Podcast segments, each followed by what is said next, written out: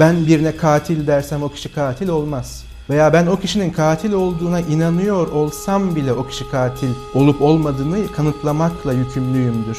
Eğer itham makamıysam. Fakat gerçeklik bize ulaşırken tıpkı radyo dalgalarının birbiri üzerine binmesi, interfere etmesi gibi arada yine e, bu bağları bozacak bazı dalgalar olabiliyor. Şimdi kanıtları inceleyelim. Bir kitapta yazıyor, o kitabın yazarı bir doktor ve kitap çok satıyor. Şimdi bunlar bilgiyi doğruluyor mu?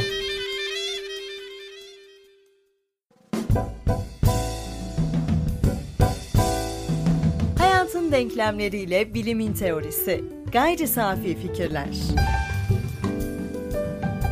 Gayri Safi Fikirlerin 41. bölümünden herkese merhaba. Herkese merhaba. Ben Tansel Erdem Yılmaz. Ben Ömer Faik Anlı. Bu 41. bölümde bir önceki bölümde inanç ve bilgi arasına sınır koymaya yeltenmiştik.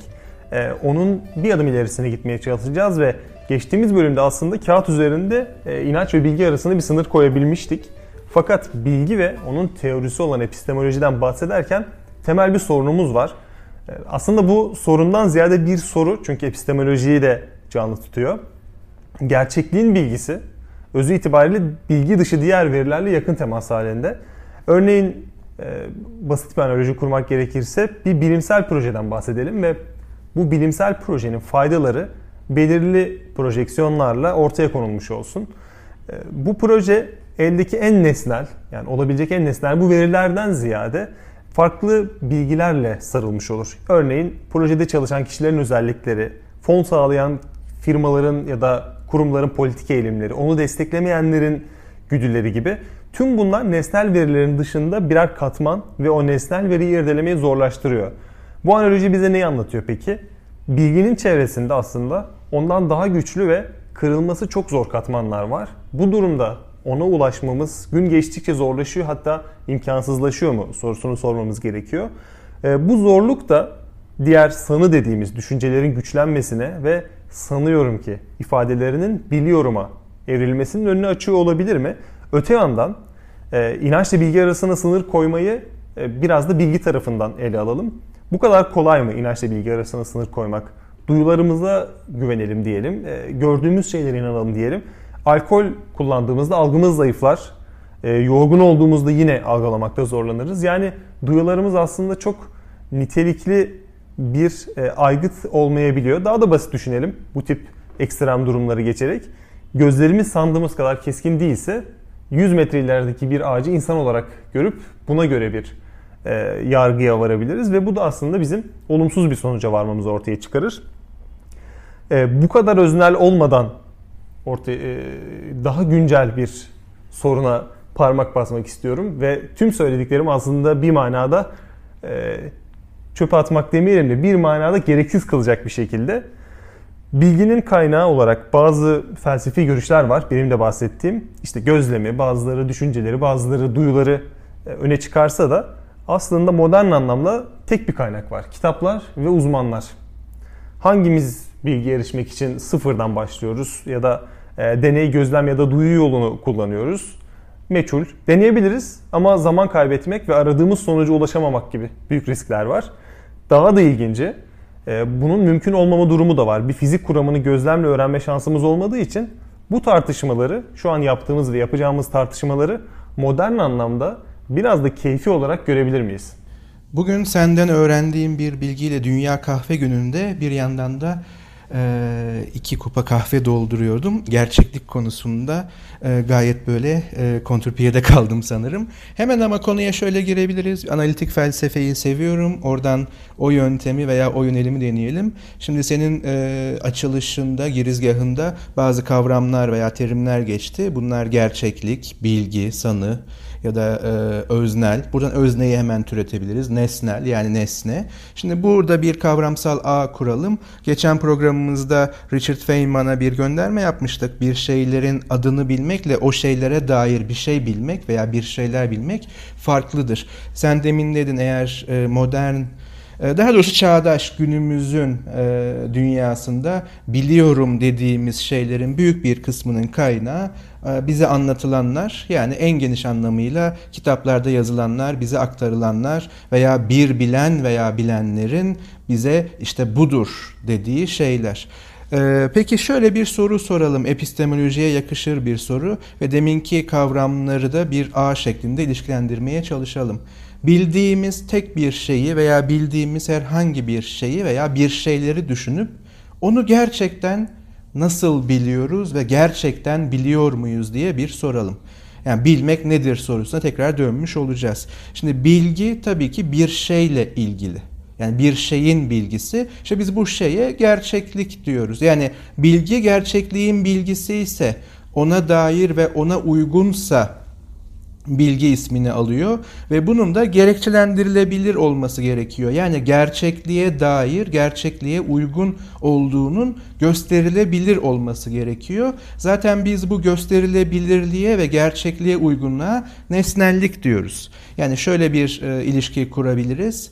Gerçeklik bir tarafta, onun karşısında özne olarak biz varız diyelim. Hani öznel bilgi, subjektif bilgi veya bana göre diyoruz ya işte o bence veya bana göre tarafına özne diyelim.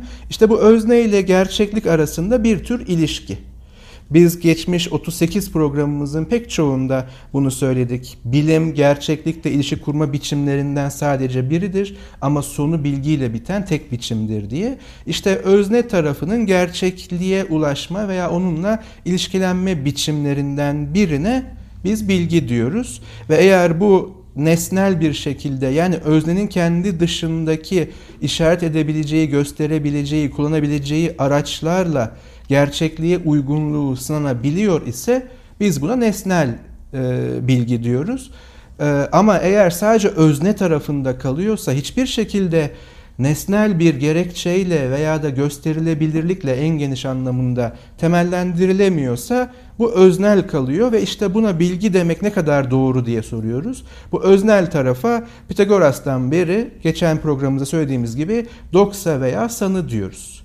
Yani öznel tarafta kaldığı halde doğru değeri bile alabilir ama o neden doğru bunu bilemeyiz ve hatta doğruluğunu gösteremeyiz bile. Buna dair sadece bir inanç yapısı kurmuş oluruz. Şimdi bu programda birkaç yerden destek alacağız. Yani konuşanlar sadece bizler olmayacağız. Ee, biraz sonra kaynağı söyleyeceğim. Gerçeklik ve kuşku hakkında önce bir pasaj okumak istiyorum. Şöyle başlıyor. Günlük yaşamımızda kuşkunun çok önemli bir yeri var. Bir dakika. Bu kuşkunun hakkını veremeyen bir cümle oldu. Bir daha deneyelim. Kuşku günlük yaşamımızda ortaya çıktığı andan itibaren başrolü ele geçiren, hayatı ve dinamiklerini bir anda işgal eden bir histir. Ha, oldu. Sarsılmaz dediğimiz, sarsılmaz oldukları için çok değer verdiğimiz gerçeklerimizin baş düşmanıdır. Gerçeklerimiz dedim. Ama sanırım o sözcüğü daha dikkatli kullanmam gerek. Burada bahsi geçen aslında kendi gerçeklerimiz, emin olduğumuz her şey.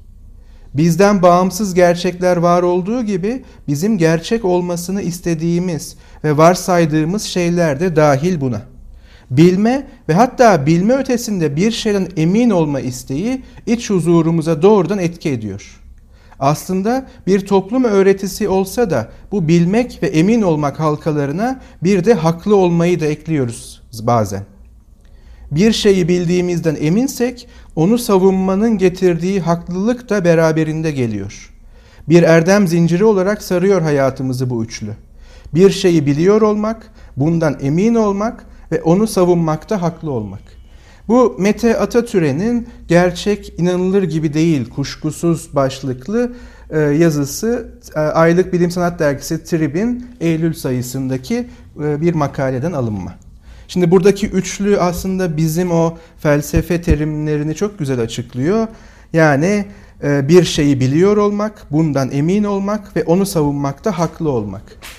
Senin tam dediğin gibi biz kitaplardan veya bilenlerden öğrendiğimizi varsaydığımız için ve Feynman'ın dediği gibi aslında biz bir şeylerin adlarını sürekli öğrendiğimiz ve bu adlar üzerine tartıştığımız için önce biz haklı olmayı istiyoruz ve emin olmak üzerinden temellendiriyoruz. Aslında epistemolojinin temelinde de bu kuşku var belki. İleriki programlarda mutlaka değineceğiz bilim teorisi içerisinde bilimin de temelinde bu kuşku var. Yani emin olduğun ve dolayısıyla emin olduğun şeylerin karşılığı olarak gerçek olduğunu düşündüğün şeyleri biliyor musun? Emin olmanın temel motivasyonu nedir ve bu meşru mudur sorusu.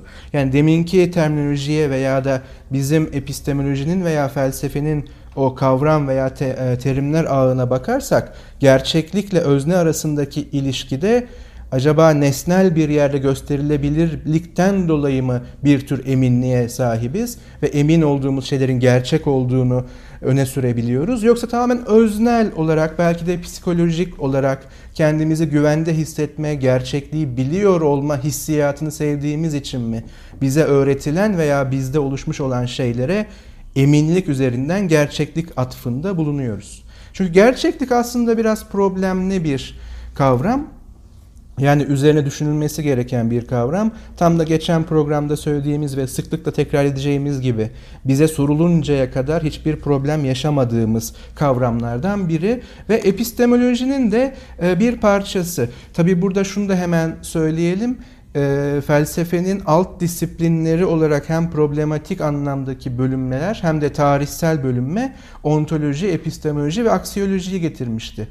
Ontoloji gerçeklik yani varlık üzerine düşünmek, onun temel sorularını merkeze almak. Epistemoloji bilgiyi temele almak yani konu edinmek ve bilgi temelli e, problematiği öne almak. Aksiyoloji de en geniş anlamıyla değerler üzerine yani etik, siyasi e, veya politik değerlerde içerilmek üzere değerleri dair problemi odağa ve önceye almaktı. Şimdi dikkat edin epistemoloji yani bilgiyi öne aldığımız alanda bilgi nedir? Gerçek neyi biliyoruz? Bildiğimiz şeyden nasıl emin oluyoruz? Bilginin kaynağı nedir? gibi sorular aslında gerçeklikle yani ontolojiye temas ediyor. Çünkü bilgi bir şeye dair olduğuna göre o şey nedir ve o şeye uygunluğunu benim bilgi iddiamın nasıl gösterebilirim? Daha doğrusu nasıl kanıtlayabilirim? Şimdi günlük dilimize de bu aslında geçmiştir veya günlük dildeki aslında bilgi iddialarında bile söz konusu, söz konusudur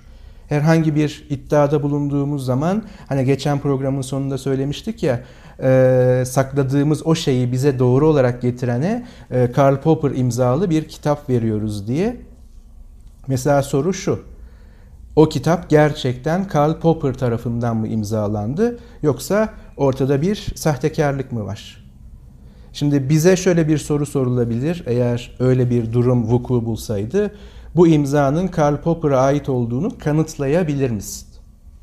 Veya kanıtla talebi gelebilirdi. Aslında biz bunu günlük e, yaşamımızda çok sık olmasa bile mutlaka ki her gün kullanıyoruz. Deminki alıntıda olduğu gibi o kuşkunun sorduğu soru şu. Kanıtın var mı? Kanıtlayabilir misin? Mesela adli sistemde de bu aynen geçerlidir ve epistemolojik bir boyut içerir. Ben birine katil dersem o kişi katil olmaz. Veya ben o kişinin katil olduğuna inanıyor olsam bile o kişi katil olup olmadığını kanıtlamakla yükümlüyümdür eğer itham makamıysam. Ya da şöyle söyleyelim birine hırsız dedim diye o kişi hırsız olmaz. Hırsızlığın tanımı nedir? Hırsızlık eyleminin kanıtları nedir? O kişinin yaptığının kanıtları nedir gibi daha birçok şeyi kanıtlamak zorundayımdır. Kanıt konusunda aslında çok netlik yok. Çünkü bir kişinin şüpheci olduğu bir durumda onu ikna edebilmek için onun aslında ne gibi bir kanıt beklediği de önemli. Bu bilimsel olarak da olabilir. Toplumsal tartışmalarda da herhangi basit bir tartışmada da olabilir. Yani en alttan en üst tabakaya kadar zihinsel olarak. Ee, aslında bu soru önemli. Bir bilimsel teoriden bahsedelim. Örneğin bir uzman işte C vitamini dünya üzerinde insanın ihtiyaç duyabileceği en önemli mineraldir, e, vitamindir diyor. Ve e, siz de diyorsunuz ki bu böyle değildir. O kendi düşünceleriyle e, buna bir kanıt sunuyor, bir şeyler söylüyor ve siz bunun böyle olmadığını söylüyorsunuz. Ardından e, size diyor ki sen ilaç firmalarının güdümlemesiyle buraya geldin. Burada aslında soracağımız soru şu. Benim göstereceğim hangi kanıt seni buna ikna edecek? Buradaki basit örnekte olduğu gibi aslında şüpheciliği gidermek için modern anlamda da e, belki de 100-200 yıllık bir geçmişte aslında beklenen kanıtın net olmaması da e, buradaki eminliği sorgulatabiliyor olabilir.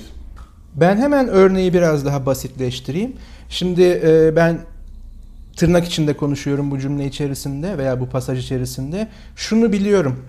E eşittir mc kare yani enerji eşittir kütle çarpı ışık hızının karesi. Nereden biliyorsun bunu? Einstein üzerine bir kitapta okumuştum. O kitap nereden biliyor bunu? Yani bunun doğru olduğunu. O da Einstein'ın makalesine doğrudan gönderme yapmış. Yani Einstein'ın makalesinden alıntı yapıyor. Bu mesela bir kanıt mıdır? Şimdi Feynman'ın dediği bir şeylerin sadece adını bilmek dediği aslında bu. Yani e, önümde duran şeyin kahve olduğunu, kahve ismini bilmek değil. Şu an sadece sözcüklerle yani bu E eşittir mc kare formülasyonunu ilk olarak nerede gördün ve doğru olduğunu nereden biliyorsun sorusunda nihai olarak ulaştığımız şey Albert Einstein'ın kendi özgün makalesi olabilir. Ama soru hala aslında havada duruyor. Bu E eşit mc kare formülasyonunun doğru olup olmadığını bize göstermiyor. Einstein yanılmış olamaz mı? Benim sorum şuydu. E eşit mc kare eğer bir bilgi ise bunu nereden biliyorsun ve doğru mudur? Dolayısıyla bunun doğruluğu için doğada yapabileceğimiz yani enerji, kütle ve ışık hızı gibi tanımlayabileceğimiz ve gerçek olduğunu söylediğimiz bu üçlü arasındaki ilişkinin tam da bu formülasyonda olduğu gibi olduğunu gösterebilir bir şey yaparsam veya bunun yapılmasını açık olarak gösteren bir duruma gönderme yapabilirsem nesnel bir kanıtım var demektir.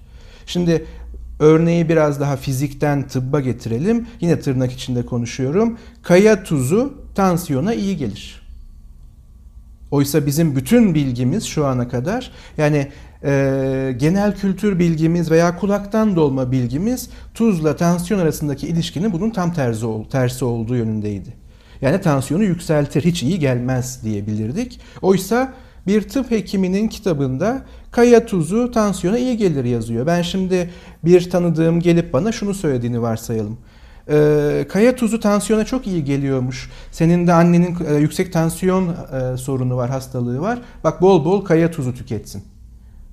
Şimdi bilgi böyle bir şey. Gerçeklikle ilişkisi çok hayati aslında. Ben o kişiye çok güvendiğimi varsayalım bunu bu bilgiyi veya bu bilgi iddiasını bana taşıyan kişiye ama işte o kuşku, o güzel kuşku bana sordurur. Çünkü sonuçta çok sevdiğim bir insanın sağlığı söz konusu. Öyle her duyduğumuza inanacak değiliz deriz ya. Nereden biliyorsun bunu? Nereden öğrendin bunu?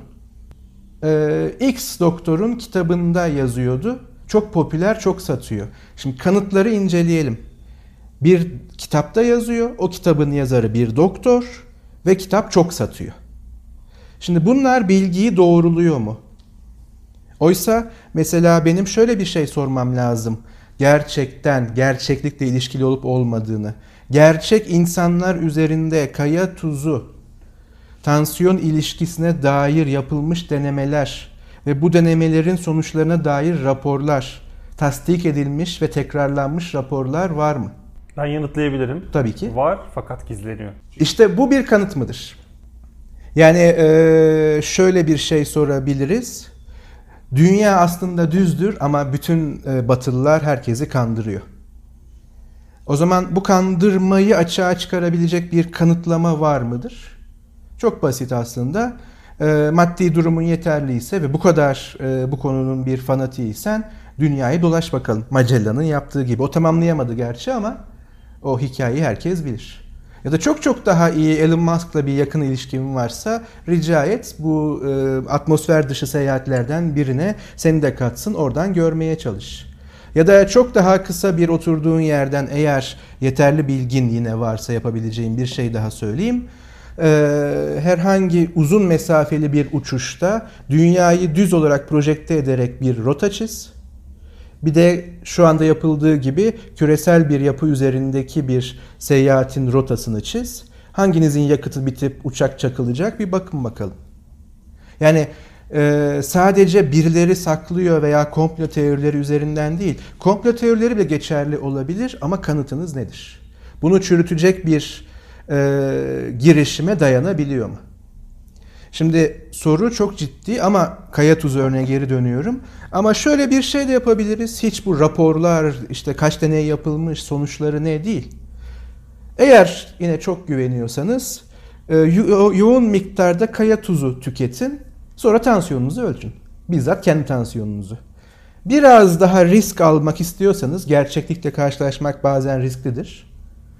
Tansiyon hastalığı, yüksek tansiyon hastalığı olan birine kontrollü olarak kaya tuzu tükettirin. Bakalım o 1-2 saat içerisinde ne oluyor? Ama çok riskli, asla bir tavsiye değildir.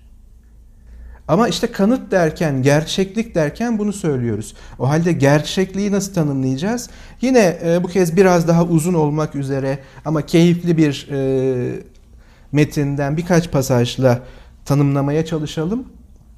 Gerçek, var olan her şeydir. Kulağa çok basit geliyor değil mi? Aslında o kadar basit değil. Çeşitli pürüzler var. Mesela bir zamanlar var olan ama artık olmayan dinozorlar ne olacak? Peki ya ışıkları bize ulaşıp da onları görebildiğimizde kendileri sönüp gitmiş olabilecek kadar uzaktaki yıldızlara ne demeli? Dinozor ve yıldızlara birazdan geleceğiz. Bırakalım geçmişi. Bugün bile bir şeyin var olduğunu nasıl biliyoruz ki? İşte epistemolojik soru. Yani tamam beş duyu organımız görme, koklama, dokunma, duyma ve tatma pek çok şeyin gerçek olduğu konusunda bizi ikna etmede oldukça iyi iş çıkarıyorlar.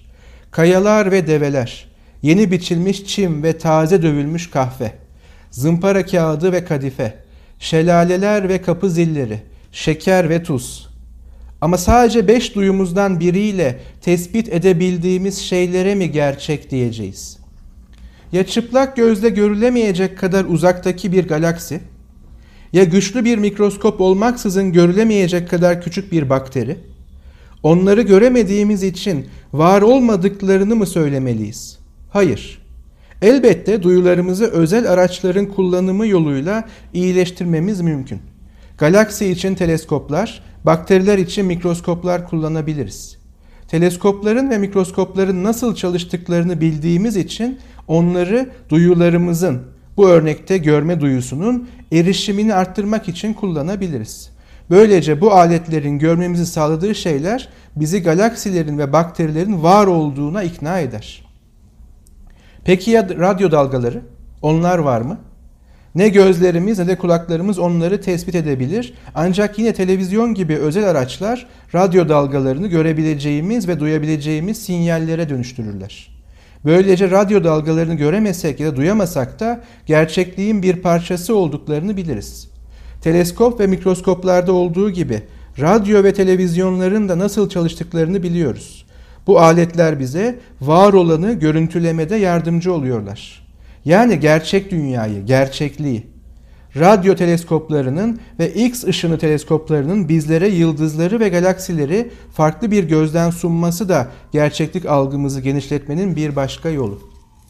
Dinozorlara geri dönersek. Bir zamanlar dünyada gezindiklerini nereden biliyoruz? Onları hiç görmedik ya da duymadık ya da onlardan koşarak kaçmak zorunda kalmadık. Burada hemen ben araya gireyim bir düzeltme yapmış olalım. Hala bazı insanlar insanlar ve dinozorların aynı döneme denk geldiği gibi bir yanılgı içerisinde. Oysa dinozorlarla insanlar yani bugünkü insanlar arasında çok uzun bir süre var. Devam edelim. Ne yazık ki dinozorları bize doğrudan gösterebilecek bir zaman makinemiz de yok. Ancak burada da duyularımızın farklı türde bir yardımcısı yani fosillerimiz var ve onları çıplak gözle görebiliyoruz. Fosiller koşup zıplamaz ama fosillerin nasıl oluştuklarını anladığımız için bize milyonlarca yıl önce olup bitenler hakkında bir şeyler söyleyebilirler.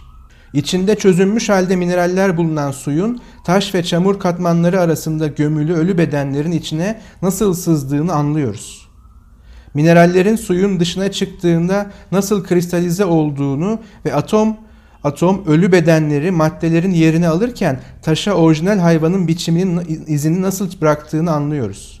Dolayısıyla dinozorları duyularımızla doğrudan göremesek de onların bir zamanlar var olduklarını bize duyularımız aracılığıyla ulaşan dolaylı kanıtlar sayesinde çıkarabiliyoruz. Antik yaşamın taşsal izlerini görüp onlara dokunuyoruz.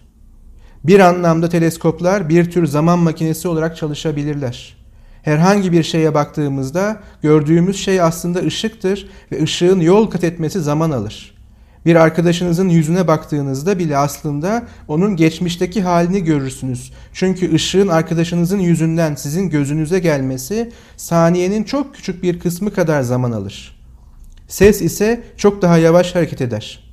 İşte bu yüzden çıkan şimşeğin görüntüsü gök gürültüsünden açık arayla daha erken gelir. Uzakta ağaç kesen bir adamı izlediğinizde baltanın ağaca vururken çıkardığı seste tuhaf bir gecikme olduğunu hissedersiniz. Işık o kadar hızlı hareket eder ki doğal olarak gördüğümüz her şeyin o an gerçekleştiğini düşünürüz. Ama yıldızlar için durum farklıdır. Güneş bile 8 ışık dakikası uzaklıktadır. Eğer güneş patlayacak olsaydı bu yıkıcı olayın bizim gerçekliğimizin bir parçası olması için 8 dakika geçmesi gerekirdi ve bu olay bizim sonumuz olurdu. Güneşten sonraki en yakın yıldız olan Proxima Centauri'ye 2012 yılında bakacak olursanız gördükleriniz 2008'de gerçekleşmiş olan şeylerdir. Galaksiler çok büyük yıldız kümeleridir. Bizler Samanyolu adlı galaksideyiz. Samanyolu'nun kapı komşusu Andromeda galaksisine bakacak olduğumuzda teleskopumuz sizi 2,5 milyon yıl geriye götüren bir zaman makinesi olur.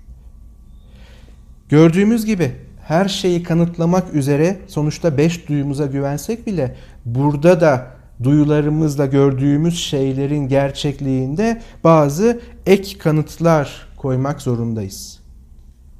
Dolayısıyla şunu söylememiz gerekiyor. Gerçeklik özne yani biz ve aradaki ilişki kanıtlanabilir, kanıtlarla desteklenebilir ve bu kanıtların nesnel olduğu kanıtlanabilir durumda olduğu zaman biz gerçeklik hakkında bir şeyler bildiğimizi söyleyebiliyoruz.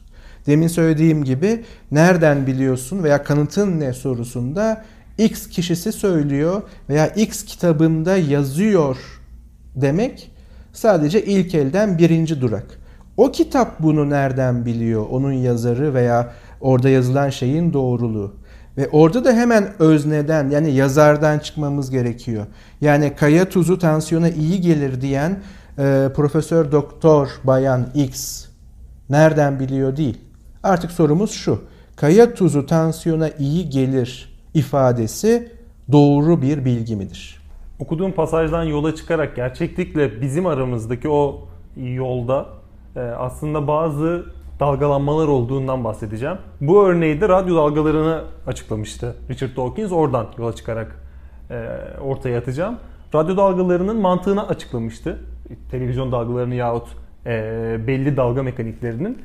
Fakat gerçeklik bize gelirken, gerçeklik bize ulaşırken tıpkı radyo dalgalarının birbiri üzerine binmesi, interfere etmesi gibi arada yine e, bu bağları bozacak bazı dalgalar olabiliyor. Buna şöyle örnek verebilirim. Biriyle tartışıyor, tartışıyor ve o sana şunu sorsun. Radyo dalgalarını nasıl açıklarsın? Buna bilimin açıklaması var mı? Ona yapacağın herhangi bir açıklama aslında onun şüphesini doyurmak gibi görünebilir. Yahut onun ortaya attığı şey bir e, şüphecilik gibi görünebilir ki bu da aslında e, bilimin ilerlemesinin önünde e, büyük bir ilerleticidir. Şüphelenmek, e, acaba bu doğru mu, bu böyle mi sorusunu sormak bilimin e, ilerlemesini sağlayan sorulardan. Fakat bu soru aslında şüphecilikten ziyade yanıtı bendecilik de olabilir. Yani ortada bir şüphe uyandıran soru var ve kişi diyor ki ben gerçekten bilgiden şüphe ettiğim için bu soru soruyorum diyor.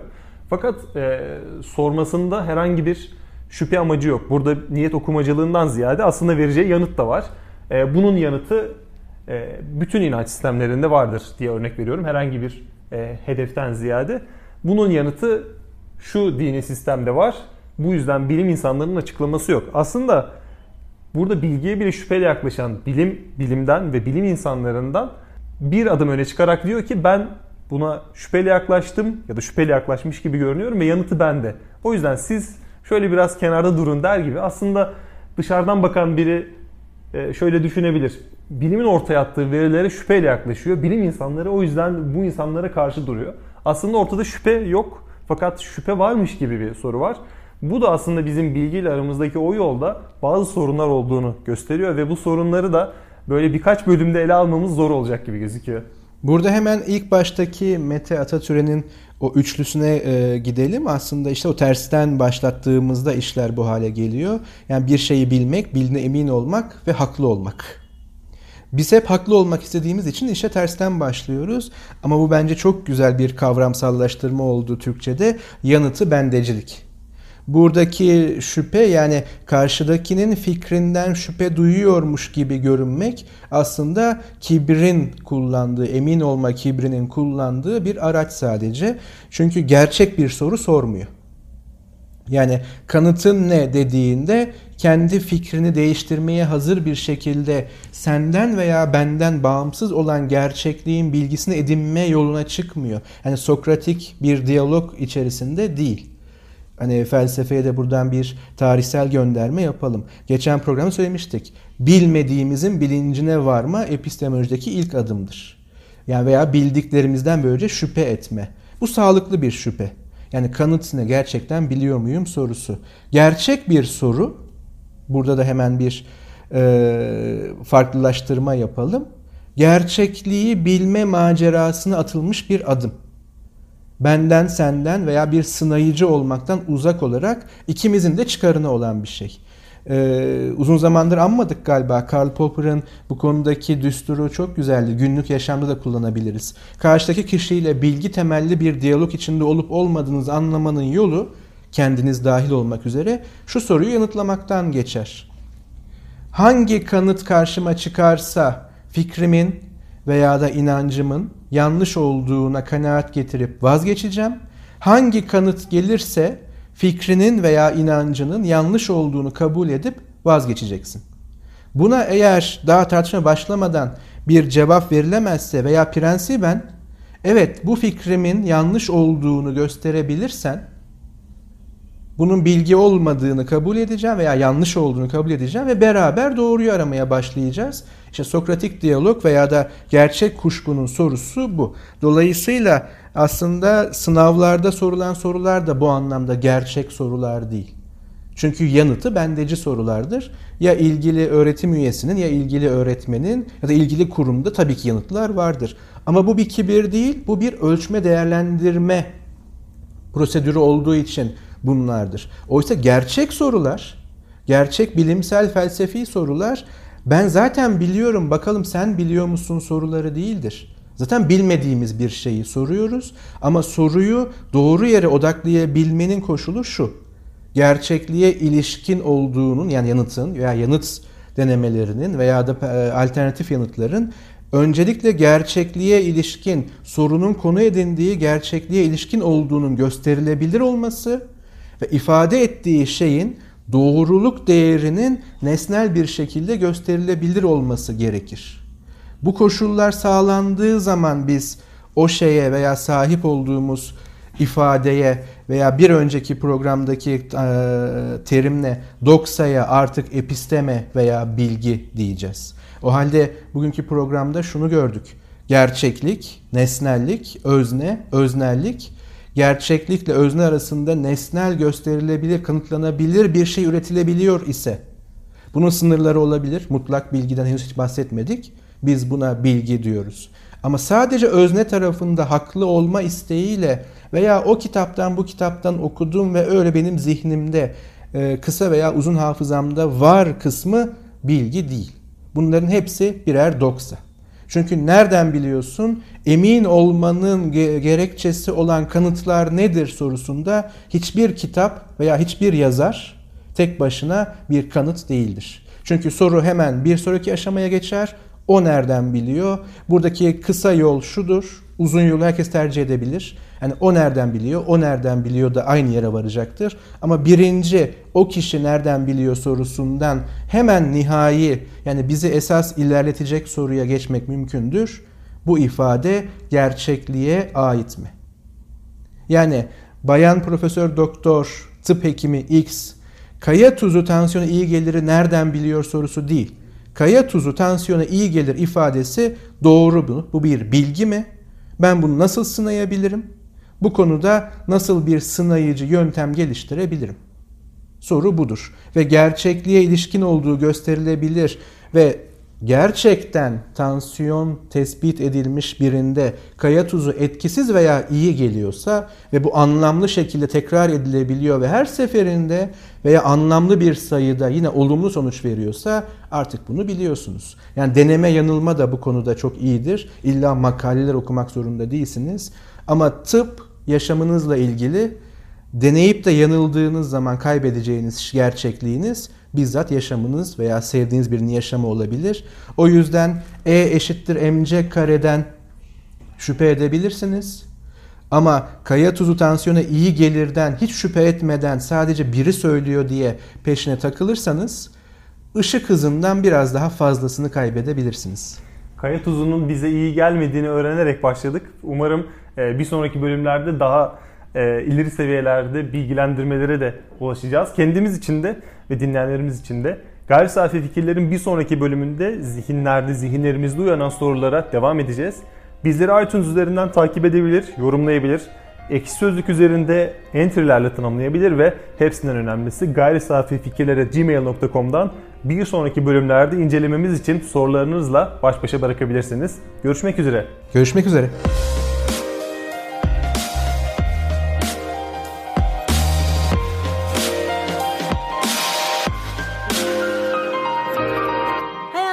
Denklemleriyle bilimin teorisi.